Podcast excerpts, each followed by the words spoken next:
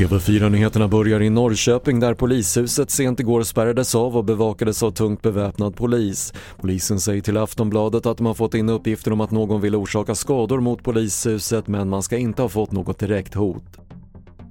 USA lovar att reda ut vad Turkiet egentligen tycker om ett svenskt och finskt NATO-medlemskap. Det meddelar Vita huset efter utspelet igår från Turkiets president om att det vore ett misstag att släppa in Sverige och Finland i försvarsalliansen. Idag möts NATO-länderna i Berlin och både Sverige och Finlands utrikesministrar ska vara med på mötet.